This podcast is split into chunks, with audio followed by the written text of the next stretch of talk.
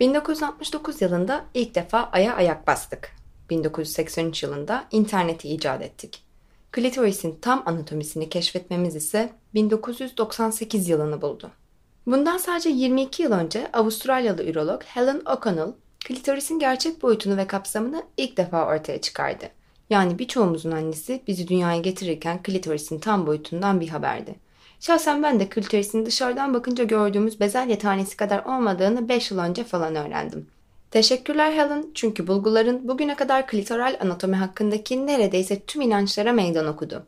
Sayende klitorisin penise göre 2 ila 3 kat daha fazla sinir ucu olduğunu öğrendik. Bu bulgulardan önce hiç kimse uyarılmış klitorisin anatomik boyutunu bilmiyordu. Bugün yayın hayatına başlayan mental klitoriste ise seks, cinsellik, cinsel sağlık, cinsel şiddet, toplumsal cinsiyet ve hazza dair kavramları ve konuları inceleyeceğiz. Ben Hazal Sipahi. Bu podcast'te ayrımcı ve cinsiyetçi olmayan ön yargısız bir dilin, rıza ve onay kültürünün, kapsamlı cinsellik eğitiminin, sağlıklı ve güvenli cinselliğin savunuculuğu seks pozitif bir yaklaşımla yapılacak.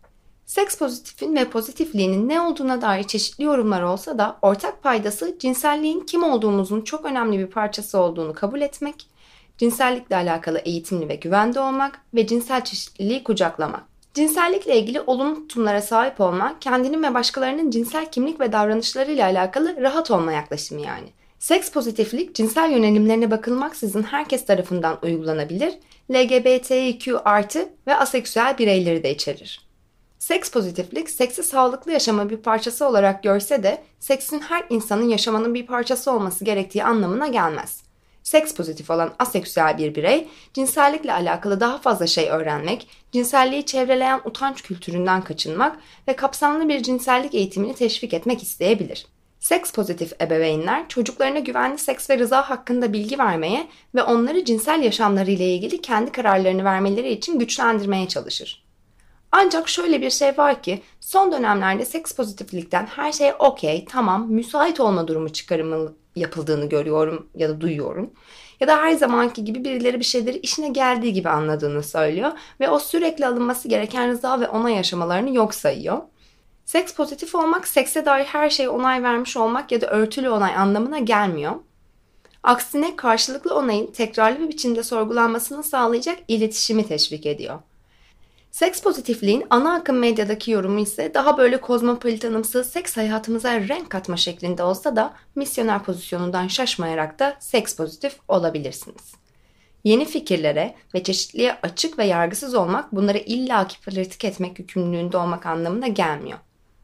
Herkesin queer, çok eşli ya da çok aşklı olmasını diretmek de heteronormatif baskılar kadar kaçınılması gereken bir şey. O yüzden lütfen kendinizi baskı altında hissetmeyin. Mental klitorist seks pozitif yaklaşımın işte bu bahsettiğimiz yorumlarını sahipleniyor. Seks pozitif olmak bence sağlıklı sınırları benimseyebilmek. Peki neden böyle bir podcast yapmaya karar verdim sorusunun cevabı ise cinselliğe dair yeterince Türkçe içerik ya da güzel örnek olmayış aslında. Yargıdan uzak ve samimi çok az örnek var. Bu podcast'te kimsenin cinselliğine dair düşüncelerinin ya da eylemlerinin rıza ve karşılıklı onaya dayalı olduğu müddetçe ıylanıp eğlenmeyeceğinden emin olabilirsiniz yani. Hali hazırda içinde olduğumuz sessizlik ortamı yeterince stigma ve tabu güçlendirirken bunlara yenilerini eklemek gibi bir amacı asla yok mental klitorisin. Aksine bu sorunların altında yatan sosyal normlara odaklanarak başa çıkmak gibi bir derdi var. Diğer yandan cinsel varoluş ve ilişkilere dair doğru ve değişmez kabul edilenleri de tartışmaya açalım istiyorum. Peki mental klitoris neden podcast formatında? Bir kere yazılı içerikten çok daha kolay üretiliyor ve tüketiliyor. İkincisi ve aslında en önemlisi sansürü bypass geçiyoruz podcastle. Bu program aslında benim başka bir mecra için hazırlamak istediğim bir programdı. Ancak rütük engelinde olduğundan ve vulvaya vulva, penise penis diyemedikten sonra amacımıza ulaşmamız çok zor olduğundan podcast formatında karar kıldım. Şu an dinlediğiniz Mental Klitoris'in 0. bölümü. İlk plan birinci ve devamındaki bölümlerde konuklarla beraber cinselliğe dair çeşitli kavramları irdelemek, kimilerini Türkçeleştirmeye çalışmak ve tartışmaktı.